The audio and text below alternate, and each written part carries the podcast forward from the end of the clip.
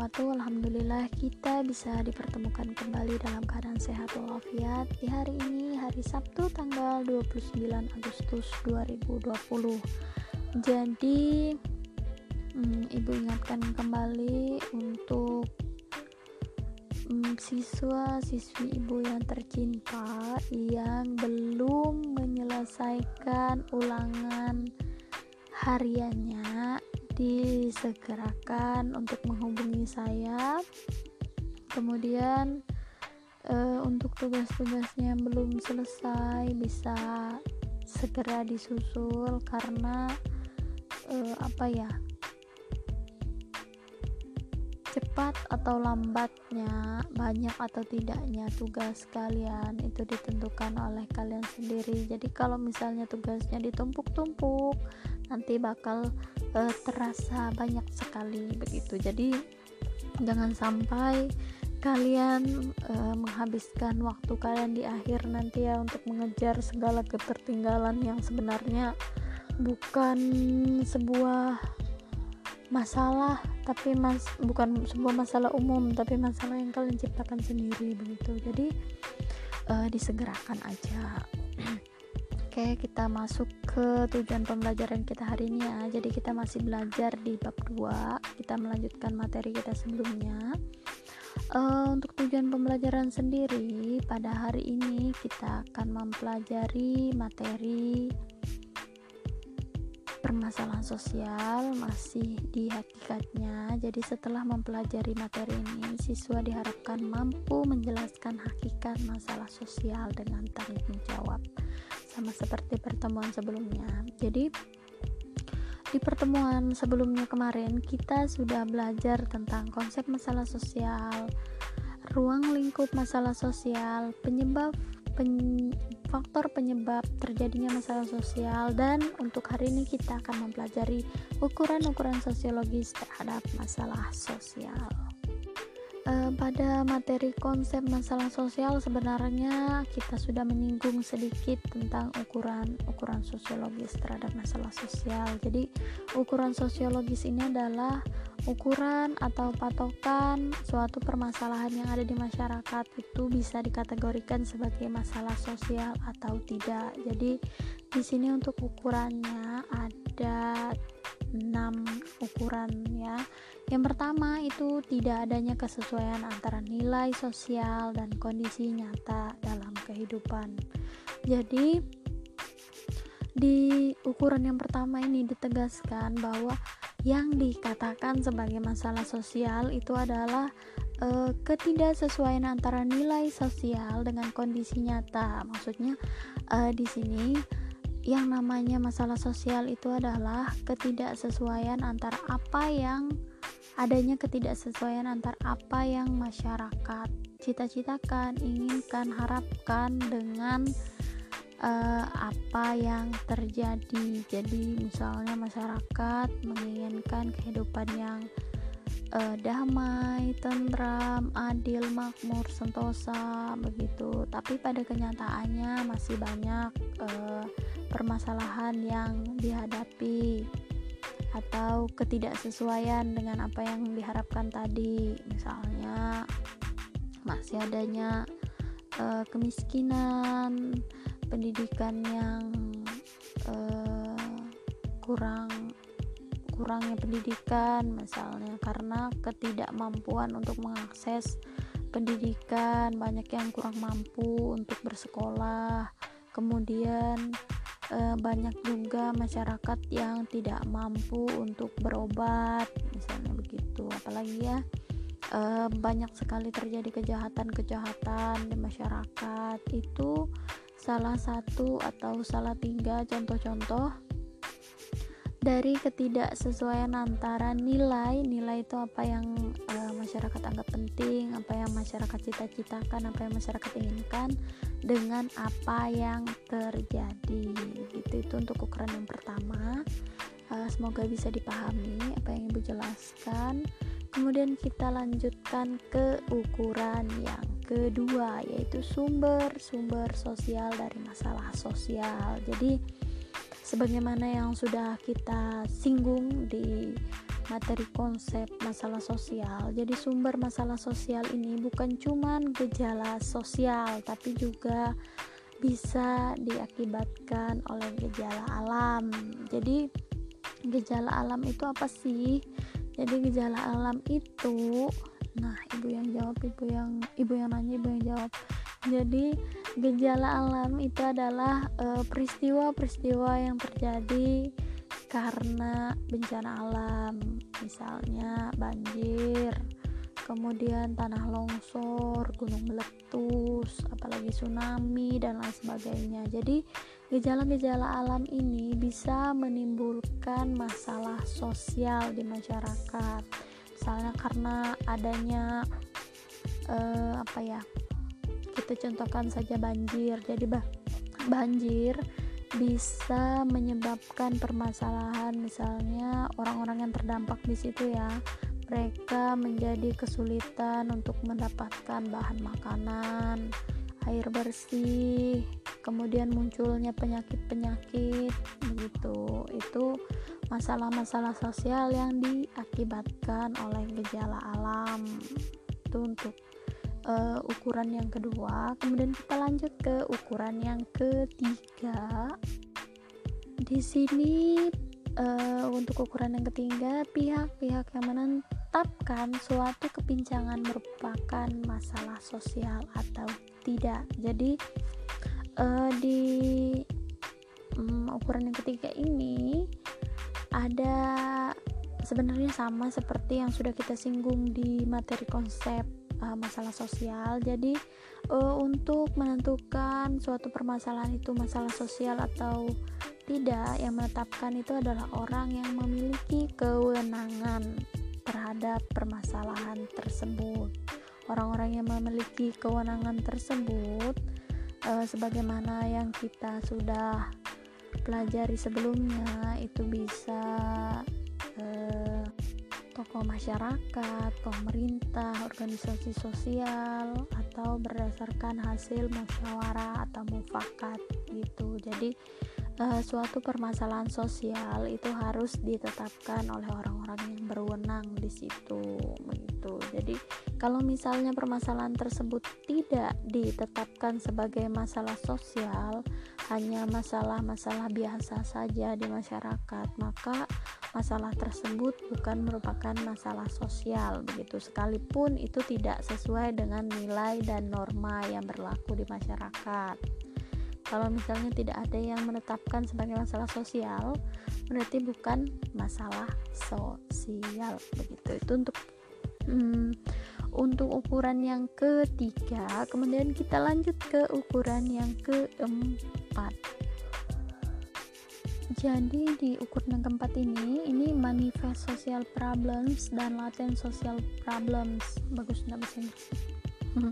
Maaf kalau bahasa Inggrisnya kurang bagus ya. Jadi uh, ini adalah uh, termasuk kategori permasalahan sosial. Jadi masalah di masalah sosial di masyarakat itu ada dua kategori kejenisnya jadi pertama ada masalah sosial yang eh, diakui oleh masyarakat sebagai masalah sosial dan bisa diselesaikan. Ada juga masalah sosial yang diakui sebagai masalah sosial tetapi tidak bisa diatasi dan sulit sekali untuk diselesaikan. Jadi untuk masalah sosial yang bisa diselesaikan, bisa diatasi, bisa dikurangi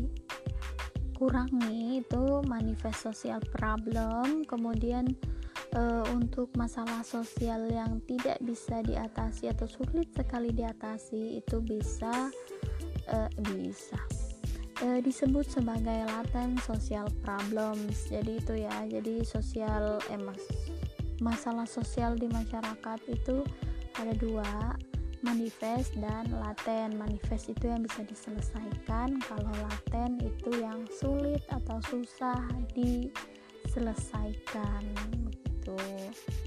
Untuk uh, contohnya bisa kalian cari sendiri nanti uh, apa sih masalah sosial yang bisa diselesaikan atau apa sih masalah-masalah sosial yang uh, masyarakat mengakui atau ada yang menetapkan bahwa itu sebagai masalah sosial tetapi sulit sekali bahkan uh, hampir tidak bisa diselesaikan atau diatasi begitu uh, itu untuk manifest social problems dan latent social problems.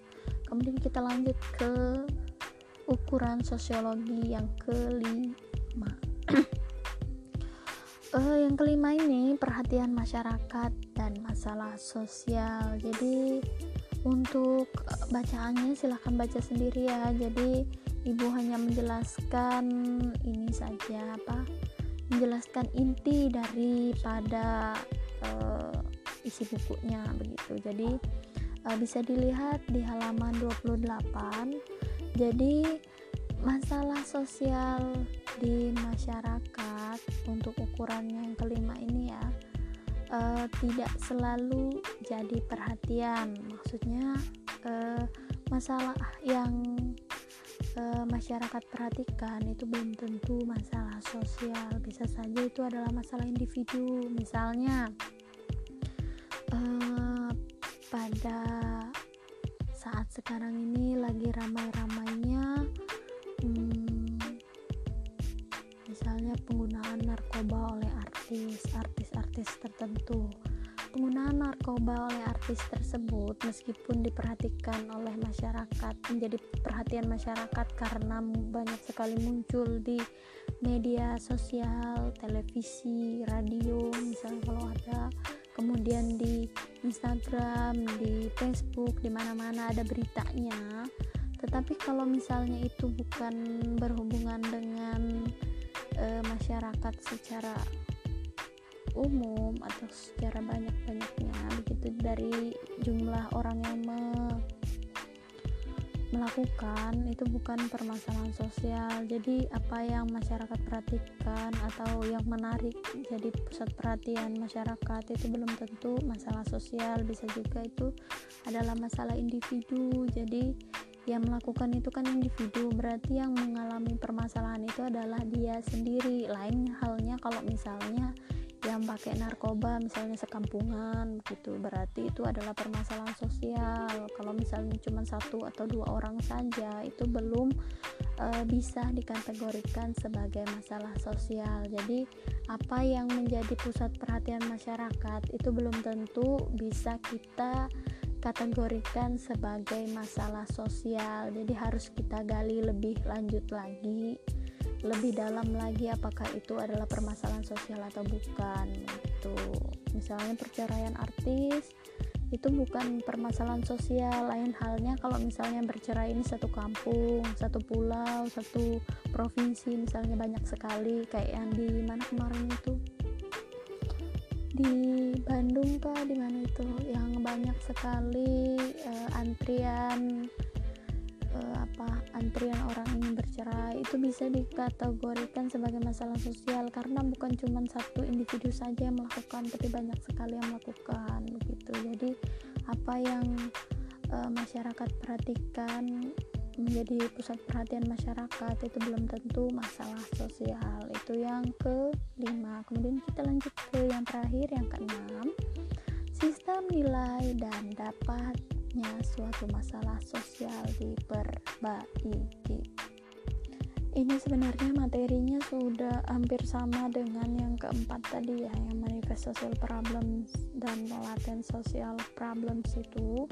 Jadi di sini uh, masih menyinggung yang D4 jadi uh, masalah sosial itu ada yang bisa diperbaiki ada yang tidak. Jadi uh, untuk masalah sosial yang dapat diperbaiki, dapat diatasi, itu dikategorikan sebagai manifest social problems. Kemudian untuk masalah sosial yang sulit sekali atau uh, tidak bisa diatasi, itu uh, dikategorikan sebagai latent social problems begitu. Jadi itu untuk ukuran ukuran sosiologis terhadap masalah sosial. Ibu ulang kembali, yang pertama itu tidak adanya kesesuaian antara nilai nilai sosial dengan kondisi nyata kehidupan. Jadi itu sangat ini ya sangat ditekankan sekali. Jadi masalah sosial itu adalah ketidaksesuaian antara apa yang masyarakat inginkan harapkan cita-citakan dengan apa yang terjadi.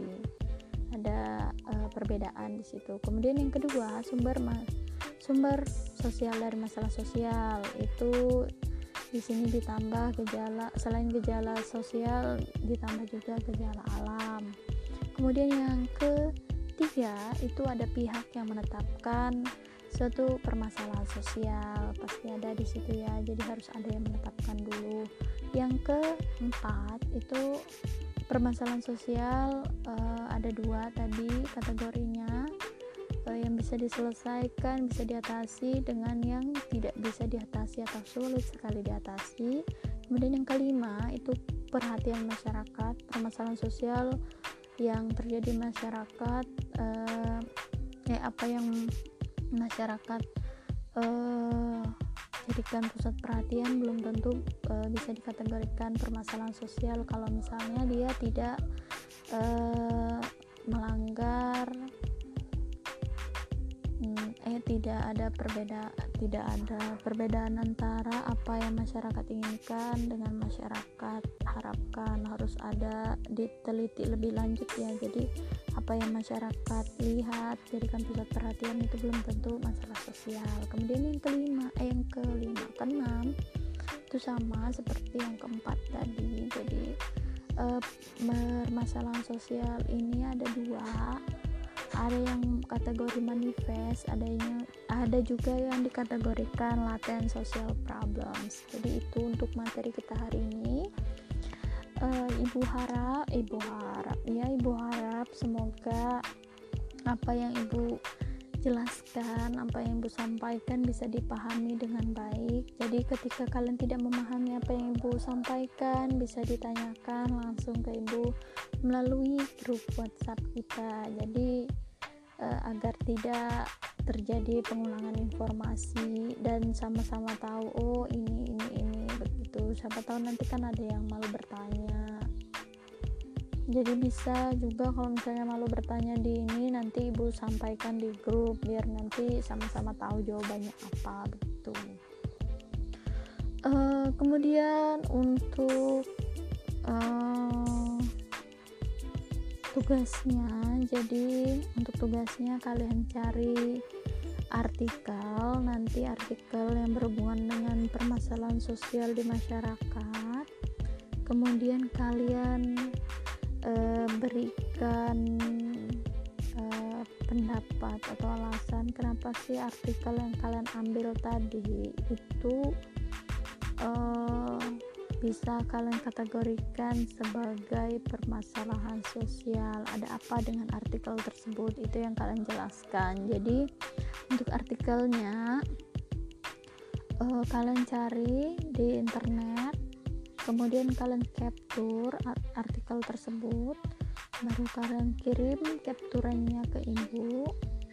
Setelah itu kalian jelaskan di bawahnya jadi pakai pesan anu pesan pribadi saja. Nanti penjelasannya jangan lupa ditulis nama dan kelasnya. Oke itu saja untuk pertemuan hari ini. Semangat dalam belajarnya. Uh, ibu akhiri. Wassalamualaikum warahmatullahi wabarakatuh